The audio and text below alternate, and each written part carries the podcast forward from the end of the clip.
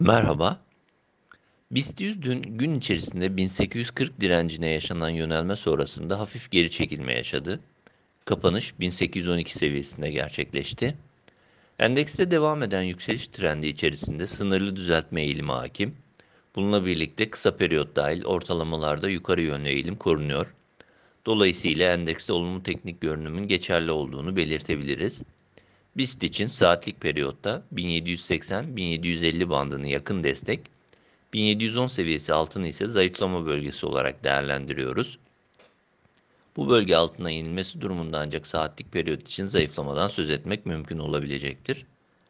Bant üzerindeki hareketin korunuyor olması, yakın direnç bölgesi olarak belirtebileceğimiz 1835-1840 seviyesinin gündemde kalmasını sağlıyor.